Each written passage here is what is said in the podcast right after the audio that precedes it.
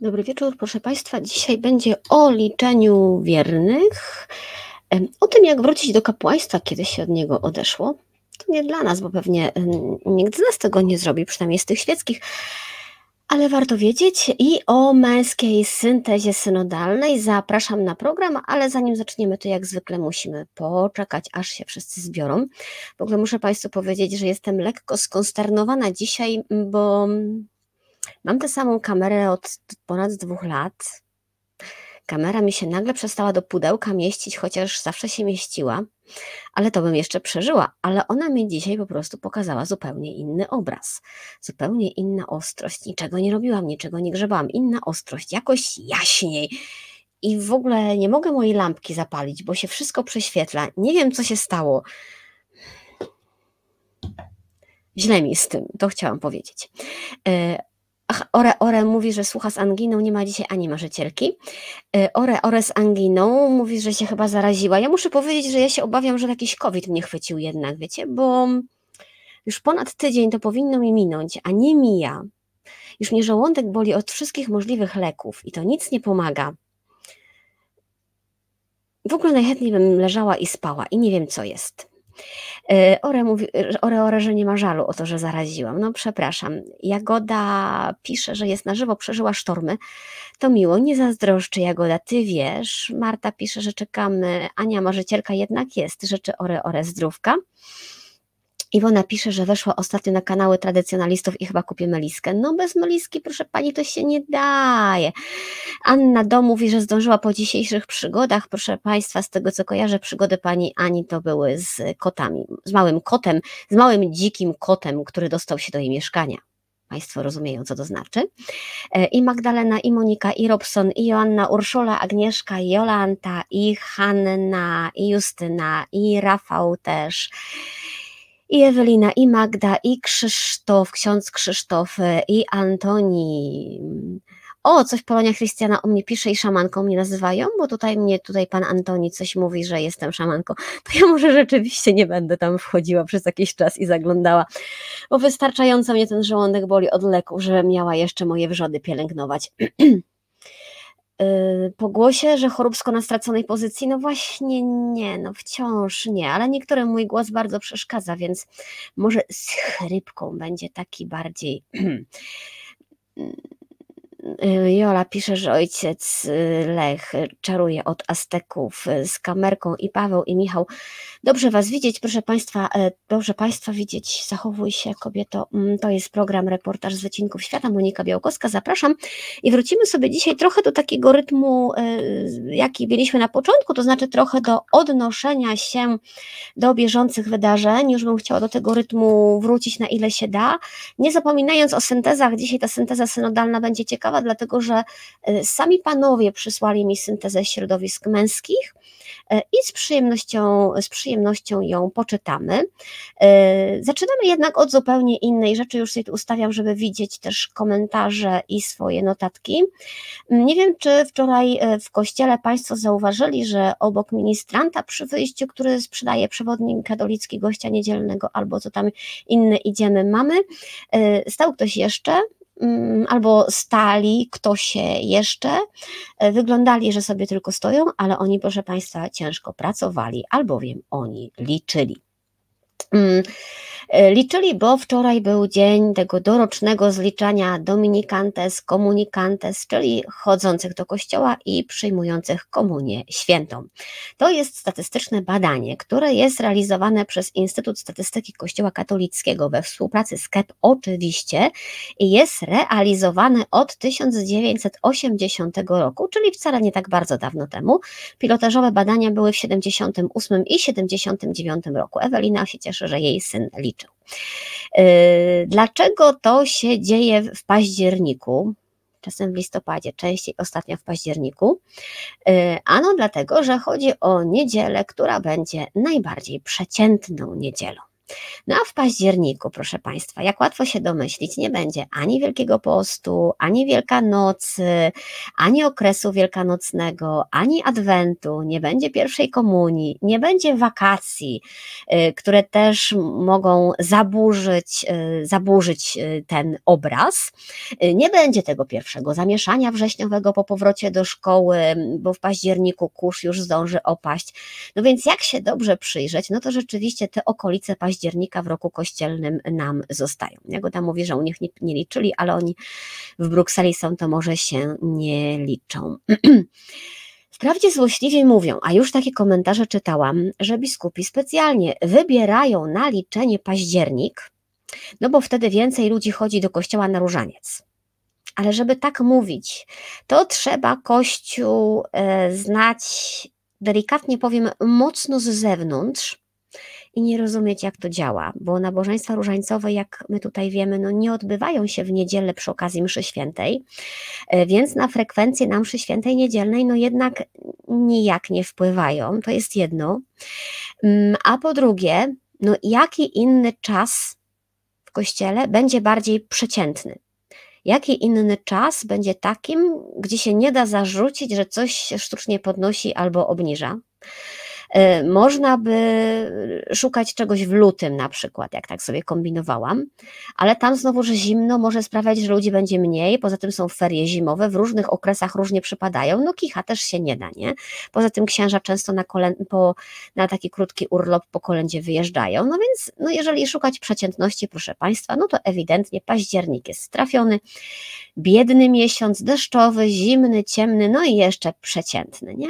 Ja tam bym bardzo nie chciała być październikiem, e, chociaż akurat ten w tym roku radzi sobie całkiem nieźle i nie możemy narzekać. Mm. Mm, patrzę. Mm, wracamy do badania, proszę Państwa. Badanie jest badaniem statystycznym, a nie badaniem socjologicznym, czyli mówi nam o tym, ile tych osób chodzi. E, nie daje żadnej odpowiedzi na pytanie, jak, jak są zaangażowani, jak bardzo im na tym zależy. Nie wiemy, jak ci ludzie mszę świętą przeżywają. Wiemy tylko tyle, że oni są, e, ale ten sam fakt bycia jest ważny, no bo to jest konkret, tak? Nie mamy innego sposobu zbadania tego w innych badaniach mogą nam najwyżej zadeklarować, że chodzą, e, a my nie będziemy wiedzieli, czy to jest prawda, czy to jest tylko, czy to jest tylko deklaracja. Można zapytać, słuchajcie, czy jeśli proboszczowie liczą i wpisują w ankiety mm, i wysyłają, to czy nie poprawiają nieco swoich wyników, mm, albo czy nie wpisują tego lekko e, na oko. No taki brak zaufania jest zrozumiały. Mm, oczywiście nie ma co liczyć na to, że jest policzony co do łebka, chociażby dlatego, że dzieci liczy się tylko te w wieku szkolnym, czyli y, ministrant stojący w drzwiach musi szybko oszacować, czy ten gość już chodzi do szkoły, czy jeszcze nie chodzi do szkoły, nie?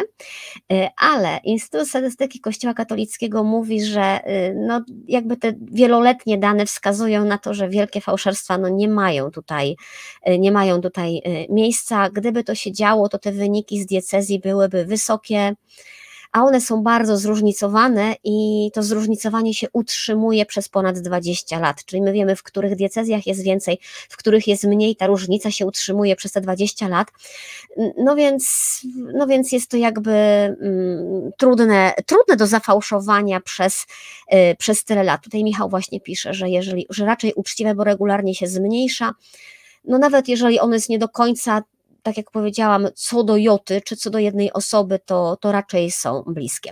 Ważne jest to, i z takich ciekawostek, jak się oblicza ten wskaźnik Dominikantes, tak? Czyli mm, odsetek wiernych na niedzielnej mszy świętej, ale w odniesieniu do czego? Procent z czego? Chodzi tutaj o procent y, zobowiązanych do uczestnictwa we mszy świętej. To nie jest procent wszystkich, wierzących, żyjących na, na terenie danej parafii, ale to jest odsetek tych, którzy są zobowiązani do uczestnictwa we mszy świętej. To jest różnica. Kim są ci Robert pisze, że kamera ma lepszą ostrość, bo widać białego kota w rogu. Wiem, ale mi się nie podoba, jak mnie widać.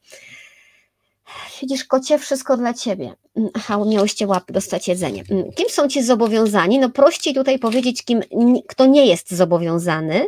Y, nie są zobowiązane dzieci do siódmego roku życia, Nie są zobowiązani do uczestnictwa chorzy e, i nie są zobowiązani do uczestnictwa e, ludzie starsi o takich ograniczonych możliwościach poruszania się. Tak to jest jasne.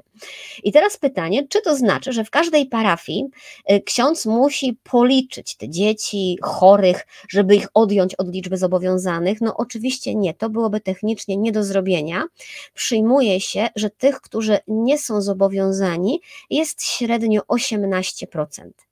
Więc jako zobowiązanych do uczestnictwa traktuje się 82% mieszkających na terenie parafii i teraz procent dominikantes liczy się nie od całej liczby mieszkańców parafii, ale od tych 82%, tak? To taka matematyka, wzorek takich.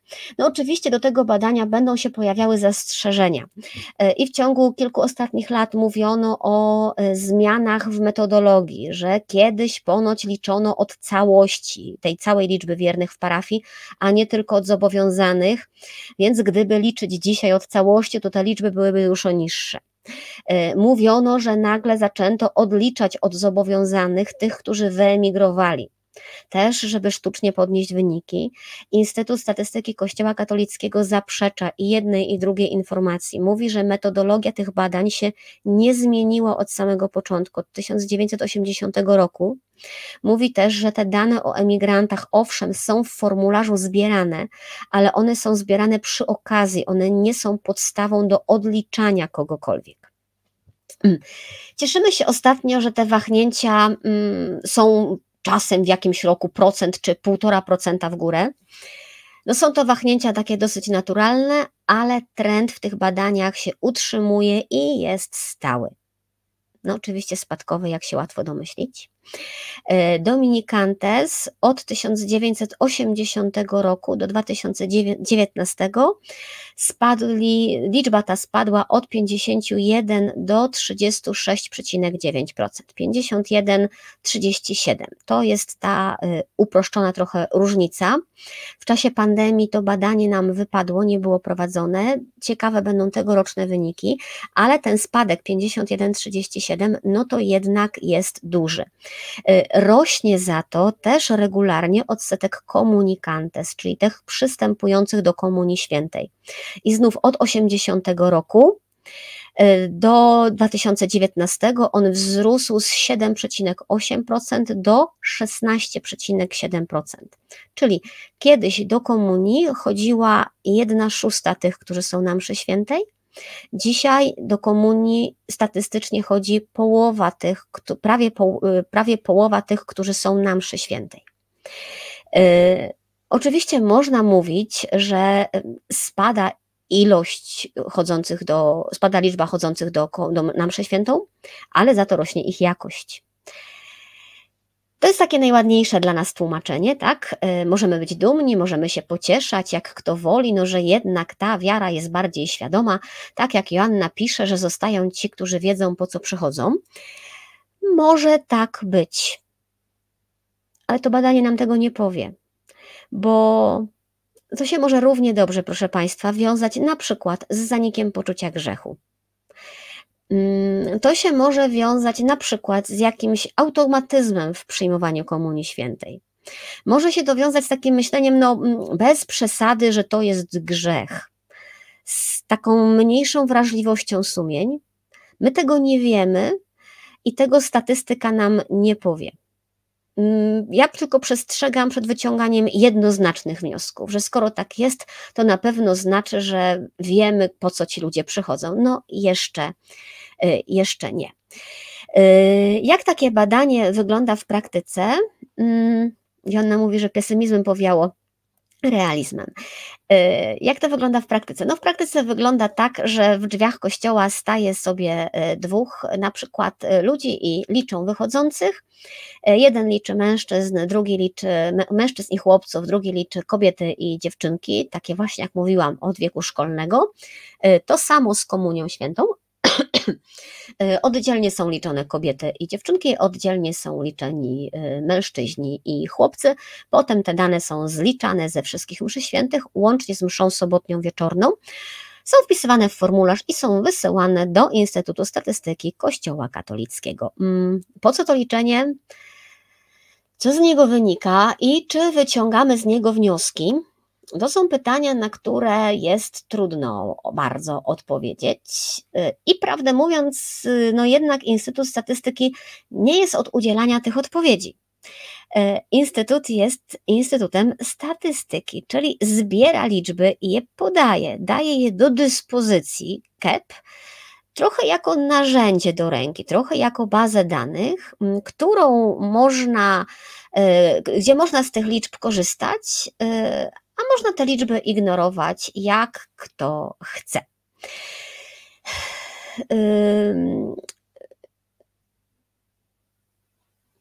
O tutaj ojciec Wiesław podaje dane y, ze swojej parafii. Zresztą przyznam Państwu, że też nie bardzo, nie bardzo wiem, jakie wnioski tutaj można na przyszłość wyciągać.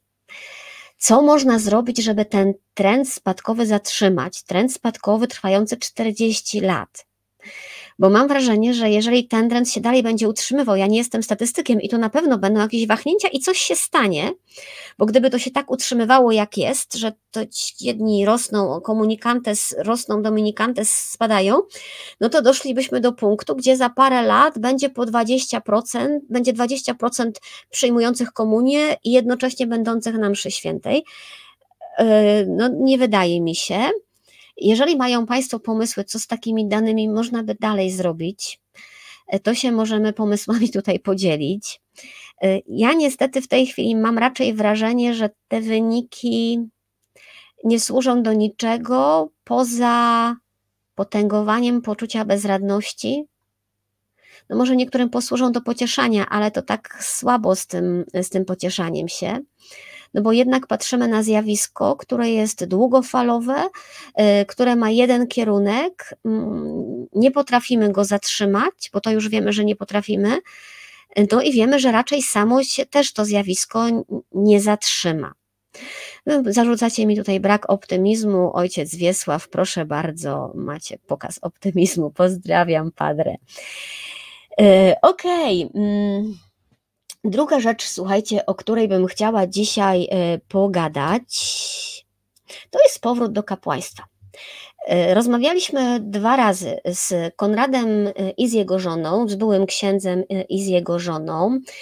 I tam w tym ostatnim programie ktoś z Państwa zadał pytanie, jak się wraca do kapłaństwa po takim odejściu, jeżeli ktoś chce.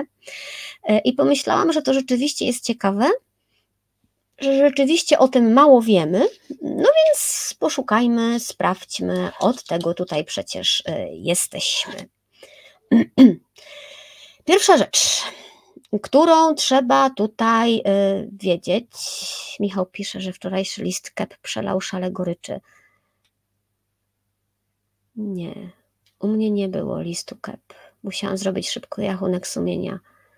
Było jakieś dramatyczne kazanie dla dzieci. Pierwsza rzecz, proszę Państwa, którą trzeba tutaj wiedzieć, kiedy zajmujemy się powrotem do kapłaństwa po odejściu, to jest fakt, że to, to co mądrze nazywamy znamie święceń, y, ten znak święceń, te święcenia, które człowiek otrzymuje, y, nigdy nie jest zatarte, to nie znika. Żadnego sakramentu cofnąć się nie da. Dlatego też między innymi apostaci nie mogą być wykreśleni z księgi chrztu, bo ten chrzest przyjęli. To się stało i on nie zniknie. Nawet jeżeli ktoś zdecyduje, że nie chce z tym swoim sakramentem mieć już nic wspólnego, on został y, udzielony. I to znamie święceń z księdza również nie znika. Ksiądz, jeżeli odchodzi z kapłaństwa jest zwolniony z obowiązków, jakie z tych, z tych święceń wynikają, są mu odebrane prawa, jakie z tych święceń wynikają, nie może z tej mocy sakramentu y, korzystać, ale tę moc sakramentalną nadal ma, on jej nie może używać. Się staram o tym mówić ostrożnie, żeby wiecie, to nie wyglądało jak jakaś tajemna moc w grze, którą mam i nie mogę go korzystać, tak? Ale, ale ma taką możliwość i nie wolno mu z tego korzystać. Trochę nie chce mi się tutaj prowadzić sporów, które się pojawiały czasami w komentarzach, czy można mówić były ksiądz, czy nie można mówić były ksiądz, bo to jest trochę w sytuacjach, o których mówimy, bicie piany, bo wszyscy wiemy o co chodzi, wszyscy wiemy o jakim człowieku mówimy. E, jeśli jest przeniesiony do stanu świeckiego, to mówienie o nim, że wciąż jest księdzem, no jest jednak jakimś nadużyciem, więc to zostawmy. Jeżeli mówię tutaj były ksiądz, to posługuje się kategoriami prawnymi, a nie sakramentalnymi. Tak, w kategoriach prawnych jest byłym księdzem, jest przeniesiony do stanu świeckiego, e, jest w dyspensie. To mówię, mm, e, to mówię w nawiasie, bo dla niektórych to właśnie wyrasta na największy problem. Ja tutaj widzę, e, ja tutaj ważniejsze kwestie widzę. Pan Włodzimierz mówi, że właśnie obejrzał kolejną część Bielma. No ja sobie obejrzę po, mm, po programie. Ale jeżeli taki były ksiądz ma wciąż na sobie to znamie sakramentu święceń, to znaczy, że teoretycznie do tej służby w kościele może nadal wrócić i nie potrzebuje do tego kolejnych święceń. Tego się już nie, y, nie powtarza. Takie sytuacje powrotów, mam wrażenie, zdarzają się jednak dużo rzadziej niż odejścia, ale się zdarzają. Jeśli to, co mówiłam, po pierwsze, było, że znamie sakramentu jest niezatarte, to po drugie, i ważne takie założenie, które musimy przyjąć, to jest to, że powrót do kapłaństwa to nie jest prawo księdza, tak? To nie jest tak, że kiedy on tylko zechce, to kościół, biskup musi go przyjąć, bo on ma do tego prawo. Nie, nie ma do tego prawa. On może dostać taką łaskę, on może dostać taki dar, jak zwał, to zwał. Znowuż te słowa są wszystkie tutaj za, za duże, za napuszone, ale właśnie jak o pewną łaskę może o to prosić, ale nie może się domagać, żeby ktoś uznał jego prawo do tego powrotu, dobra? To to jest druga rzecz. Musimy wiedzieć, że to ponowne włączenie księdza do służby jest aktem miłosierdzia Kościoła. Aktem miłosierdzia, który jest dla tych, którzy tego aktu potrzebują bo to wcale nie jest tak, że wszyscy, którzy odeszli tego aktu potrzebują e, i wcale nie są w gorszej sytuacji, jeżeli są zlaicyzowani, jeżeli otrzymali dyspensę, jeżeli normalnie potrzebują do, przyjmują wszystkie sakramenty, żyją z Panem Bogiem absolutnie e, w zgodzie, mogą być tak samo jak my w stanie łaski uświęcającej, nie ma problemu. Są tacy, którzy tego potrzebują i wtedy Kościół tej łaski może im, e, może im udzielić. Co jeszcze trzeba brać pod uwagę, mając przed sobą takiego księdza, który chce wrócić. No, Kościół musi tutaj brać pod uwagę godność kapłaństwa, godność tego urzędu, czyli chodzi o to, żeby nie wywoływać skandalu wokół wracającego księdza. Przede wszystkim mm, chodzi o to, żeby nie było ryzyka, że ten jak wróci, to on znów to kapłaństwo porzuci, rozumieją Państwo, nie? bo to w ogóle już byłby, e, byłby skandal. Golda pyta o konkretne przykłady, tak sobie o wszystkim powiemy, w jakich sytuacjach może, jak z tymi dziećmi e, i jak z tym małżeństwem. Najpierw taki były ksiądz musi znaleźć sobie biskupa, który będzie chciał go przyjąć do swojej diecezji. I to też nie jest obojętne, jaka to jest diecezja, bo to owszem, może być jego ordynariusz, ten, u którego był poprzednio, pod warunkiem, y, że ten ksiądz nie mieszkał w tej diecezji z żoną. Rozumiemy? Y, nie może wrócić do kapłaństwa w diecezji, w której funkcjonował z kimś drugim jako mąż. Y, jeżeli żył w tej diecezji jako mąż, to nie będzie mógł nigdy w niej posługiwać jako ksiądz. Musi znaleźć sobie innego biskupa. Mogą być wyjątki od tej zasady, ale one są y, analizowane na poziomie Watykanu. No więc łatwo sobie wyobrazić, że są to sytuacje raczej rzadkie. Jeżeli taki ksiądz mm, zawarł małżeństwo cywilne, no to jest oczywiste, że musi się rozwieść. Y, Anna pisze, jak w przypadku zakonników. Szczerze mówiąc, ja trafiłam na analizę księży diecezjalnych, nie wiem, jak to jest, czy on może wrócić do swojego zgromadzenia. Jeżeli są tutaj księża, zakonnicy, a są, to ja poproszę o podpowiedź, to może podpowiedzą. Jest ojciec Wiesław, myślę, że będzie, że będzie potrafił odpowiedzieć, czy może wrócić do swojego zgromadzenia. Co jest ciekawe, jeżeli taki były ksiądz zawarł związek cywilny dwa razy albo trzy razy, bo zmieniał sobie żony, rozwodził się z jedną i brał sobie następną, no to taki do kapłaństwa już wrócić nie może. Uznaje się, że jest y, niedojrzały, że jest niestabilny y, i jednak takiego człowieka już się z powrotem y, nie przyjmuje. Co więcej, jeżeli mógł prosić o dyspensę od celibatu, a o nią nie poprosił i nie prosząc o dyspensę zawarł tylko cywilne małżeństwo, trochę lekceważąc prawo kościelne, no to to raczej nie jest dobry znak i też raczej wrócić mu się nie pozwoli. Jeżeli otrzymał dyspensę, jeżeli zawarł kościelne małżeństwo, no to dopóki to małżeństwo trwa, no to też wrócić nie może, tak? No bo ma żonę. Y, chyba, że żona umrze. Jeżeli żona umrze, no to wtedy już jako wdowiec wrócić może. Y, tam jest nawet mowa o naturalnej śmierci żony, to jest ciekawe. Nie wiem, czy coś sugerują. Jeżeli ma dzieci, to te dzieci muszą już być pełnoletnie, muszą mieć zapewnioną opiekę i muszą być samowystarczalne. Chodzi o to, że taki y, ksiądz, który wraca, trzeba mieć co do niego pewność, że nie ponosi żadnej finansowej odpowiedzialności za kogokolwiek. I to nie chodzi o to, że obciążamy y, kościół czymś, tak? To chodzi o to, że żeby prawidłowo funkcjonować jako ksiądz, nie można mieć na sobie takich zobowiązań. Więc y, sum, w sumie y, dzieci, które są już na studiach, no też jeszcze odpadają, tak? Bo dzieci będące na studiach też jeszcze y, przysługuje im ta finansowa opieka ze strony rodziców. Taki były ksiądz musi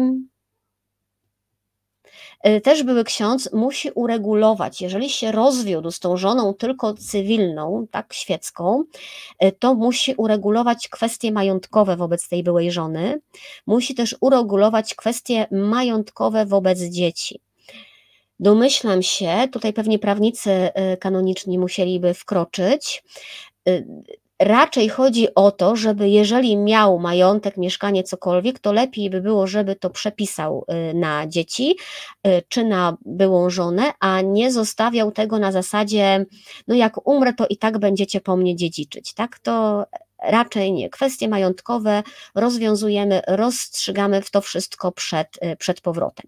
Co więcej, taki były ksiądz musi być w odpowiednim wieku to jest ciekawe, jeżeli już jest staruszkiem, albo jeżeli choruje, to przyjmuje się, jakkolwiek okrutnie to może zabrzmieć, że nie może być użyteczny dla ludu Bożego i takich do posługi kapłańskiej się już nie przywraca.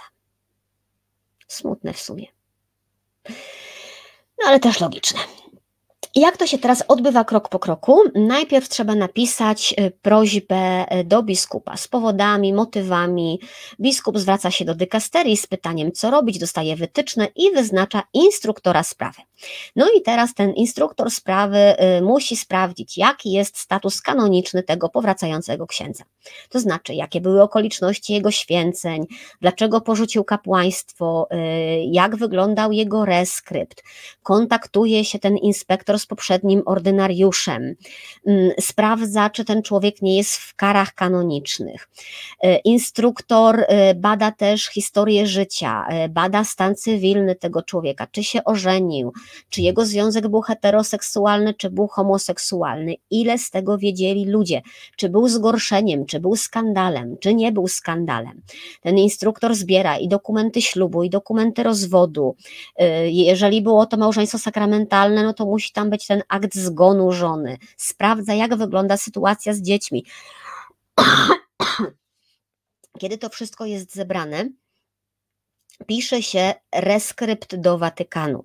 Taką prośbę, która pokazuje potrzebę, czyli dlaczego ten proszący pragnie i potrzebuje tej łaski powrotu do stanu duchownego. Y, musi to być skierowane do papieża, tak jak mówiłam, w takiej pokornej formie, żeby była widoczna ta świadomość, że to nie jest moje prawo, tylko że ja proszę o łaskę i trzeba tam y, całą historię swojego życia opisać. I te powody wyboru i dojścia do kapłaństwa, i cały czas formacji, i wszystkie motywacje, trudności, przeszkody z czasu formacji, i cały opis kapłaństwa, i kryzysu, i odejście, i całą sytuację po odejściu. Mm, I to, jak przezwyciężył już potem ten kryzys powołania, czyli jak dojrzewał do myśli o powrocie. E, no, w tym reskrypcie trzeba też przyznać, że tak żałuje tej decyzji o opuszczeniu stanu duchownego, o opuszczeniu posługi. Trzeba przyznać, że to jednak było niewłaściwe, że to była jego, e, że to była jego porażka. Ja przyznaję, proszę Państwa, tutaj Paweł pisał, bodajże e, Dawid pisał co innego. Ja osobiście nie znam księdza, który by wrócił. Gdzieś czytałam o jednym, o jednym słyszałam od y, znajomych y, księdza jakiegoś, ale osobiście nie znam, a tych, których odeszli, mogłabym już chyba liczyć dziesiątkami osobiście znajomych. I wśród tych, którzy odeszli, no nie ma takiego, który by powiedział: Tak, żałuję, chciałbym wrócić, to jest moja osobista porażka. Mm, ale to jest y, dowód anegdotyczny. Może Watykan jest zasypany prośbami o powroty. Y, nie wiem. Y, Golda pyta, czy to prawda, że po powrocie nie każdy dostaje pozwolenie na spowiadanie. Tam jest taki okres próby, o tym też sobie jeszcze powiemy. Mm. Były ksiądz pisze ten reskrypt, y, biskup y, aprobuje ten reskrypt, instruktor znów wkracza do gry. Mm, znów bada sprawę, sprawdza zgodność faktów z reskryptem. Y, przesłuchuje tutaj dość szczegółowo delikwenta i pyta, z tego, co czytałam, te wytyczne to po prostu o wszystkie możliwe szczegóły życia. Pyta o jego modlitwę, y, o życie sakramentalne, o to, jak się odnajdywał w duszpasterstwie, o relacje we wspólnocie kapłańskiej, o rodzinę, z której wyszedł, tak? Jakby cała, cała taka, mm, jak czytam te wskazówki, to mam takie wrażenie, że ja bym nie chciała, żeby ktoś mi robił takie szczegółowe przesłuchanie.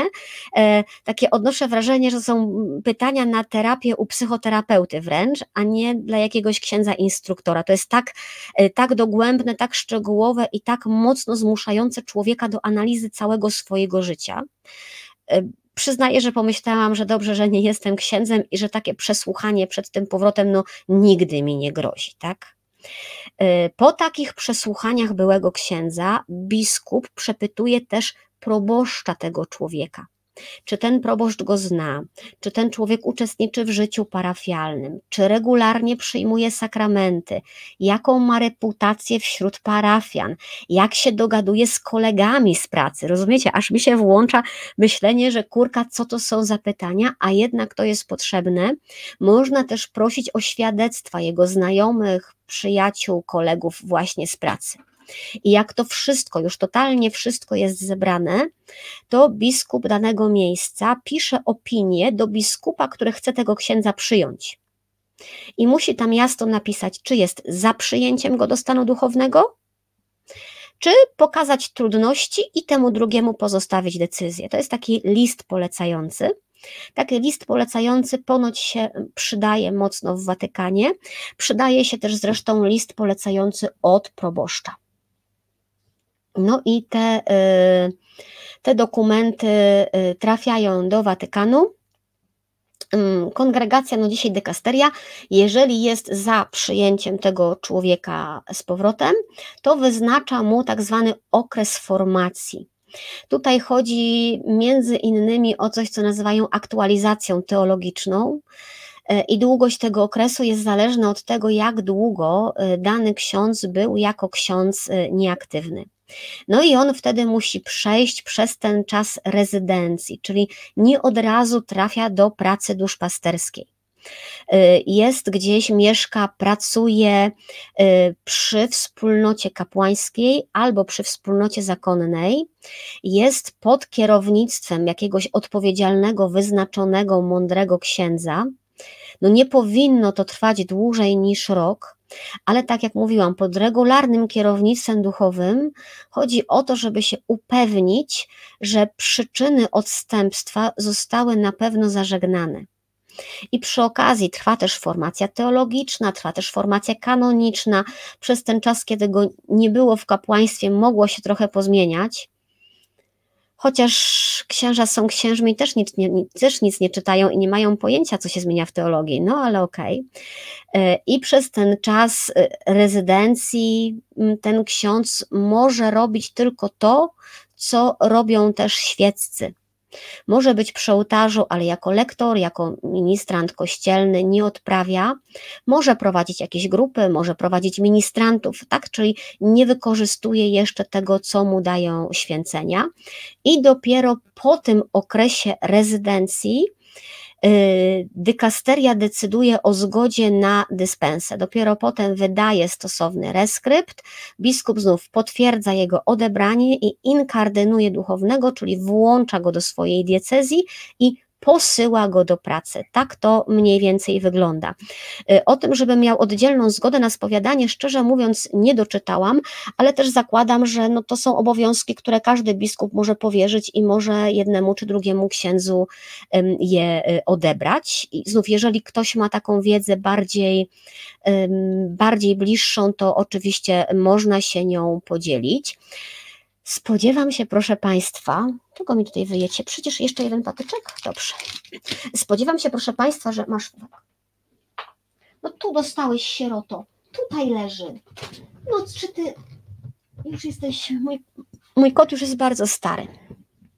Spodziewam się, że jeśli biskup dostaje taką prośbę, to y, nieźle i on, i kanclerz w kurii, i kto tam jeszcze ryją w dokumentach, bo tak jak procedury odejścia no, mają jakoś przetrenowane, bo one się zdarzają, tak y, procedury powrotu no raczej rzadziej, ale jeżeli Państwo znają takie przypadki osobiście, to oczywiście można się takimi y, dobrymi historiami podzielić. One zawsze są, y, one zawsze są w cenie. I trzecia rzecz dzisiaj, to jest powrót, proszę Państwa, do syntez synodalnych, ale synteza będzie y, nietypowa, bo to jest synteza wspólnot y, męskich.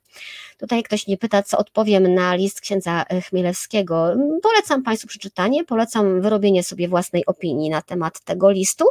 Y, nie uważam, że zostało tam odpowiedziane na zarzuty ale też ja nie chcę, słuchajcie, być tu sędzią w tej sprawie. Sędziami będą biskupi. Ja zwróciłam uwagę na nieprawidłowości. Ksiądz odpowiedział, biskupi zdecydują, co z tym zrobić. E, uważam, że w jednym punkcie e, ksiądz Dominik bardzo mocno się wkopał i powinien jeszcze raz dobrze przemyśleć, czy chce ten punkt w tym dokumencie na pewno mieć. Ale to taka moja, e, moja sugestia, bo dobrze, bo dobrze księdzu życzę. Zaczęło się, proszę Państwa, cała ta mm, myśl o synodzie, męskich wspólnot od wspólnoty, która się nazywa Drogą Odważnych. I ta właśnie grupa wymyśliła, żeby zaprosić do rozmowy przedstawicieli innych grup, wspólnot duszpasterstw męskich, e, ale też męskich zgromadzeń zakonnych i stowarzyszeń życia zakonnego. E, no i ta droga odważnych rozesłała 150 zaproszeń. Ponawiali te zaproszenia, odpowiedziało 9 wspólnot i 2 zakony, czyli mniej więcej 10%. Droga odważnych widzę, że jest z nami.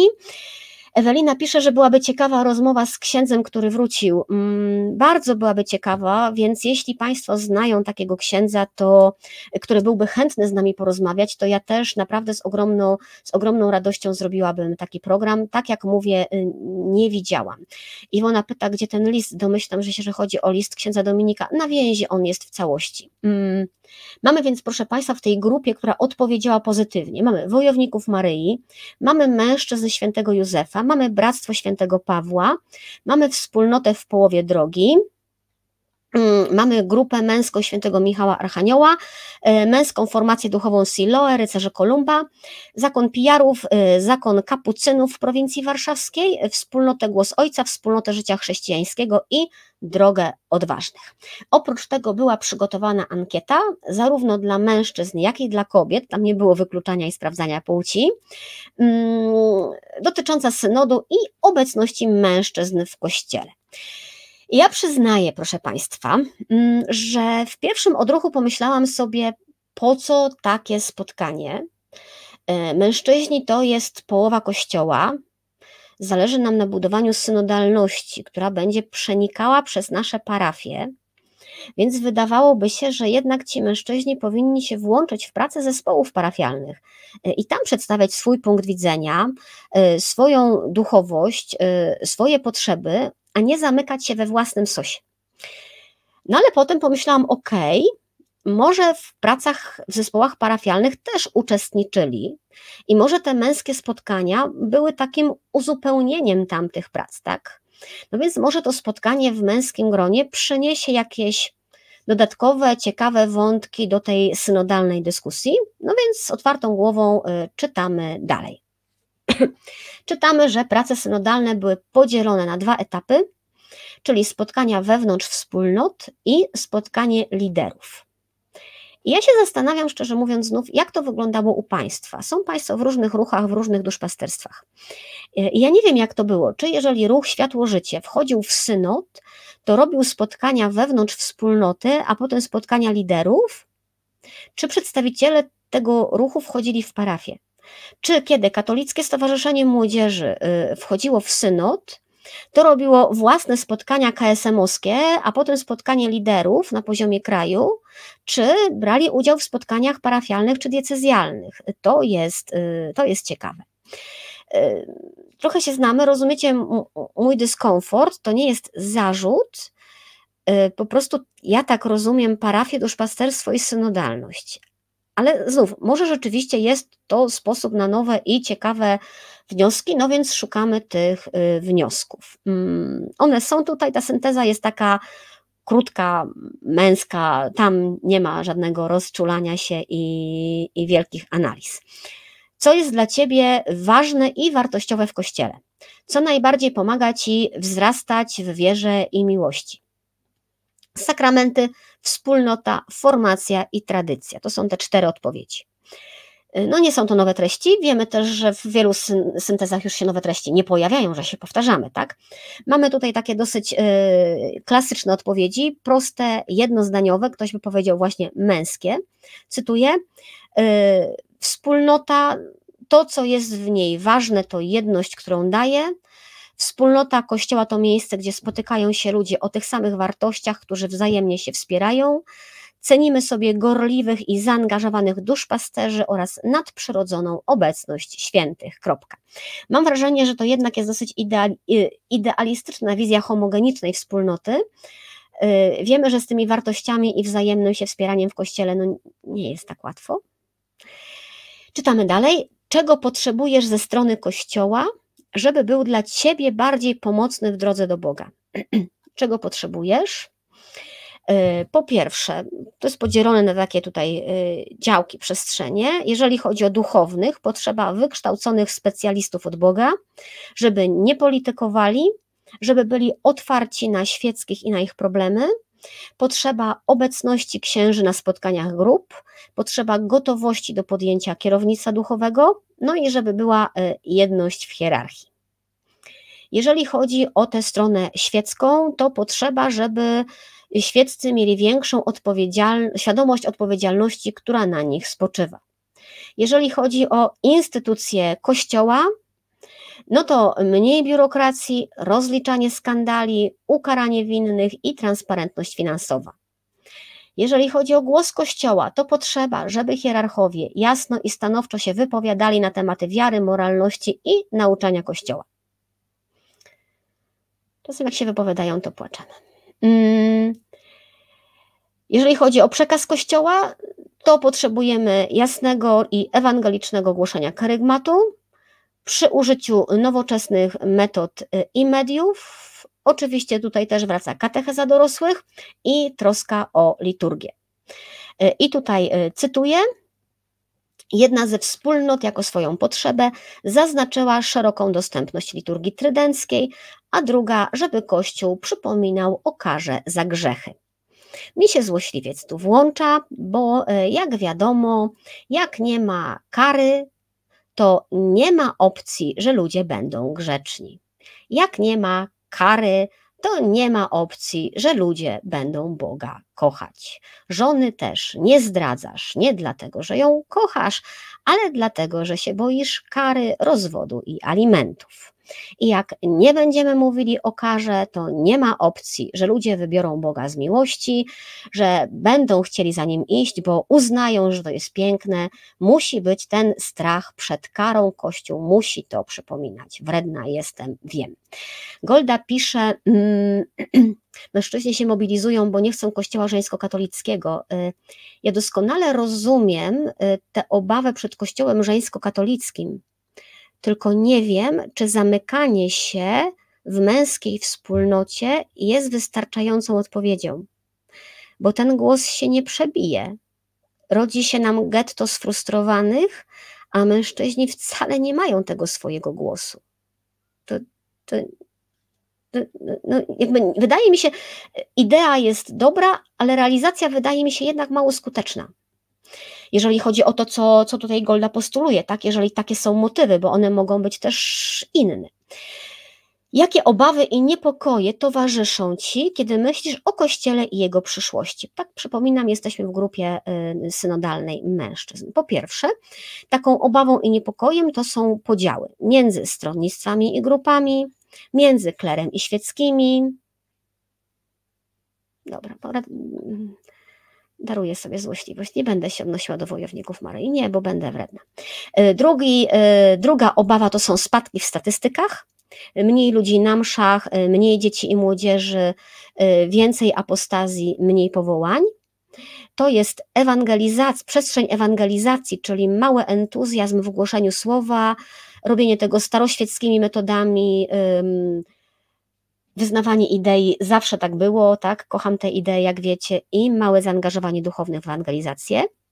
E, kolejny lęk i obawa dotyczy rozmytego nauczania, to już wiecie, że mi się zapalają tutaj ogniki, cukierkowe nauczanie, w którym brakuje przypomnienia o konsekwencjach, czyli o karze za popełnione zło. No, to jest oczywiste, proszę Państwa, bo Jezus, to On jakby tak poszukać tego głównego nurtu nauczania Jezusa, to to nie jest o jakiejś miłości i przebaczeniu.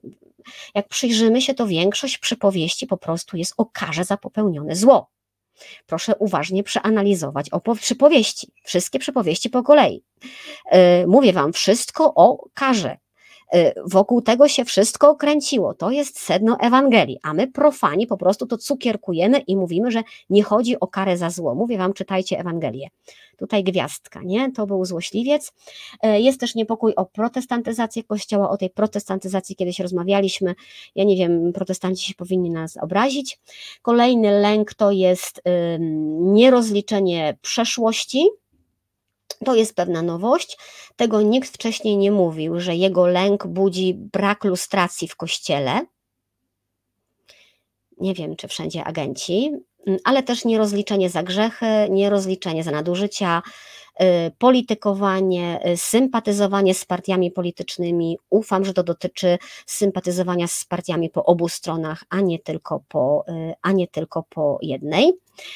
Jeżeli chodzi o te y, po, y, obawy i niepokoje dotyczące duchowieństwa, to tutaj będzie dystans między duchownymi i świeckimi, to, że duchowni nie znają problemów ludzi, y, wysoki poziom materialny życia niektórych i angażowanie się w politykę. I ostatnie zdanie, które, jak już się zaraz domyślicie, po prostu wzbudza mój ogromny entuzjazm, to jest Niepokój wzbudzają także wizje prześladowań, jakie mogą spaść na Kościół. I to jest moment, kiedy mi szczęka opada, bo ja, słaba kobieta, się nie boję. A panowie, tak. Yy, proszę dać mi znać, kiedy państwo ostatnio, yy, ja może żyję w bańce, wszyscy w jakichś bańkach żyjemy, Ja jestem tego świadoma. Kiedy ostatnio Państwo czuli się prześladowani, albo kiedy y, Państwo obawialiście się prześladowań, albo kiedy widzieliście Państwo w swoim mieście prześladowania katolików, albo ktoś ze znajomych padł ofiarą prześladowania. Y, w weekend na Jasnej Górze, w sobotę, w piątek odbyła się konferencja zatytułowana Prześladowany jak katolik. Pan Artur Dąbrowski, prezes Akcji Katolickiej, mówił tam tak: Jesteśmy spychani na margines. Nasze uczucia religijne i symbole można profanować i nikt nie ponosi za to żadnych konsekwencji. Przeciwnie, wyroki y, sądowe do tego y, zachęcają. No, my wiemy, jak wyglądają wyroki, to jest jasne. Wiemy, jak wyglądają momentami profanacje, ale ja bym jednak zadawała sobie pytanie, dlaczego te symbole są profanowane y, i czy to się dzieje zawsze i tylko z powodu nienawiści do wiary. Y, zadawałabym pytanie, dlaczego te symbole dla nas ważne stały się dla kogoś symbolami opresji, odrzucenia i nienawiści. Dlaczego te symbole, które dla nas są ważne, straciły ten sens pełen miłości i miłosierdzia? Bo one również dlatego są odrzucane, one również dlatego są traktowane jako wrogie, bo dla ludzi oznaczają nienawiść albo przynajmniej niechęć, bo one dla ludzi przestały oznaczać miłość i to, że oni są przyjmowani. I ja jednak pytam się, czy nie ma w tym winy nas, że użyliśmy tych symboli kiedyś do odrzucania innych ludzi, do ich wykluczania, a potem się dziwimy, że te symbole zostały przez nich odrzucone. Bo to może być również taki mechanizm, również, może nie, y, nie wyłącznie. Pan profesor Tadeusz Kulik prezes Akcji Katolickiej Archidiecezji Warszawskiej mówił tak. Garstka wojujących antychrześcijan terroryzuje masy chrześcijańskie. Zauważał, że ci wojujący podcinają gałąź, na której sami siedzą, bo to samobójcze niszczenie żelaznej tarczy duchowej, którą de facto jest chrześcijaństwo. Hmm. No ja powiem Państwu, że nie czuję się jakoś specjalnie przez nikogo steroryzowana. A jeżeli tak, to zapewniam, że y, nie przez antychrześcijan. Pozdrawiam. Mm, ale też y, umówmy się, ja też nie widzę żadnych y, mas chrześcijańskich, tym bardziej przerażonych i steroryzowanych. Zastanawiam się czasem, czy te, czy te prześladowania nie staną się dla kogoś takim łatwym wyjaśnieniem kryzysu w kościele. Ludzie nie chodzą do kościoła, nie chodzą na procesje, nie stroją okien na peregrinację obrazu, mm, dzieci nie idą na katechezę w szkole, bo nie dlatego, że daliśmy, że nam coś nie wyszło. Oni się po prostu boją prześladowań, oni się boją wyśmiania, oni są steroryzowani przez garstkę wojujących antychrześcijan. No to raczej nie jest prawda, chociaż to byłoby dla nas bardzo wygodne tłumaczenie, prawda? Zresztą nie wiem, czy to byłoby tak bardzo wygodne tłumaczenie, bo to jest jednak podkładanie się, bo powiedzcie mi, co to jest za chrześcijaństwo? Jaka to jest wiara i jaka to jest moc, jeżeli masy chrześcijańskie boją się grupki antychrześcijan, która ich steroryzowała? Jakie słabe byłoby to chrześcijaństwo, jaka to jest w ogóle wizja chrześcijaństwa, które się boi grupki i dlatego rezygnuje z wyznawania czegoś. Na tymże spotkaniu ksiądz Piotr Mazurkiewicz mówił też, e, no to jest człowiek z dużo szerszymi horyzontami, że powodem dyskryminacji chrześcijan w Europie e, nie jest bezpośrednio religia, ale tym powodem dyskryminacji jest spór antropologiczny. To jest spór o to, e, kim jest człowiek, e, no i z tego dalsze spory etyczne wynikają. No i w efekcie zwolennicy e, aborcji, eutanazji, jednopłciowych małżeństw, czy zwolennicy swobodnego wyboru płci będą napotykali na swojej drodze obrońców życia, którzy są niemal wyłącznie chrześcijanami, katolikami, No i tym samym ludzie, cytuję, którzy kierują się wiarą chrześcijańską, są przeszkodą dokonywania rewolucji obyczajowej, y, moralnej w Europie. Y, no i zdaniem księdza Piotra, y, w tej sytuacji Kościół powinien nadal robić to, co do niego należy, głosić Ewangelię w sposób skuteczny. Ja się absolutnie zgadzam, że Kościół powinien nadal głosić Ewangelię i robić to w sposób skuteczny. W tym myśleniu antropologii no też jest coś ciekawego, chociaż nadal uważam, że prześladowaniem chrześcijan można by to nazwać dopiero wówczas, kiedy prawo zmuszałoby nas do dokonywania aborcji, jeżeli prawo y, zmuszałoby nas do mm, dokonywania eutanazji na naszych y, rodzicach, a jeżeli prawo nas do tego nie zmusza, po prostu tym, którzy nie wierzą, daje wybór, no to my nie mamy do czynienia z prześladowaniami chrześcijan, ale mamy do czynienia z nową dla nas sytuacją życia w świecie pluralistycznym, gdzie nie możemy oczekiwać, że wszyscy będą podzielać nasze wartości. One są dla nas ważne, one są dla nas zobowiązujące. My pewnych wyborów nigdy nie dokonamy, tak? Ale to, że ktoś inny nie przyjmuje tych wartości za własne, to nie jest prześladowanie tych wartości. On ich po prostu nie przyjmuje za własne. Ja nadal mogę je, mogę je wyznawać. Zastanawiam się, proszę Państwa, szczerze mówiąc, kto budzi w ludziach takie lęki o prześladowanie, przed prześladowaniem. Y, nie wiem, czy to, jest, czy to nie jest tak, że komuś, ktoś ma podświadomie jakieś pragnienie władzy, takiego rządu dusz, y, bo wie, że jeżeli będzie ludziom wmawiał zagrożenie, to jednocześnie będzie się jawił jako ten, który wie, jak zagrożenia uniknąć, będzie potrafił podać recepty, będzie pokazywał, jak wyjść z tego ocalonym, no i w ten sposób ludzie pójdą za nim w ogień. Może to się robi nieświadomie, może to się robi świadomie. Ja naprawdę y, nie wiem nie wiem skąd się w ogóle ten lęk bierze, tak? To jest łatwo powiedzieć, syndrom oblężonej twierdzy, ale ktoś to z jakiegoś powodu nakręca, tak? Y, jest mi trochę smutno, bo y, naprawdę jest tyle pozytywnej roboty do zrobienia, takiej naprawdę ważnej roboty do zrobienia, a tutaj ktoś drży i się szykuje na prześladowania. Y, w świecie, w którym tak naprawdę mam wrażenie, że nikt nie ma ochoty prześladować chrześcijan. E, to chrześcijaństwo się po prostu robi obojętne. Ono przestaje ludzi obchodzić.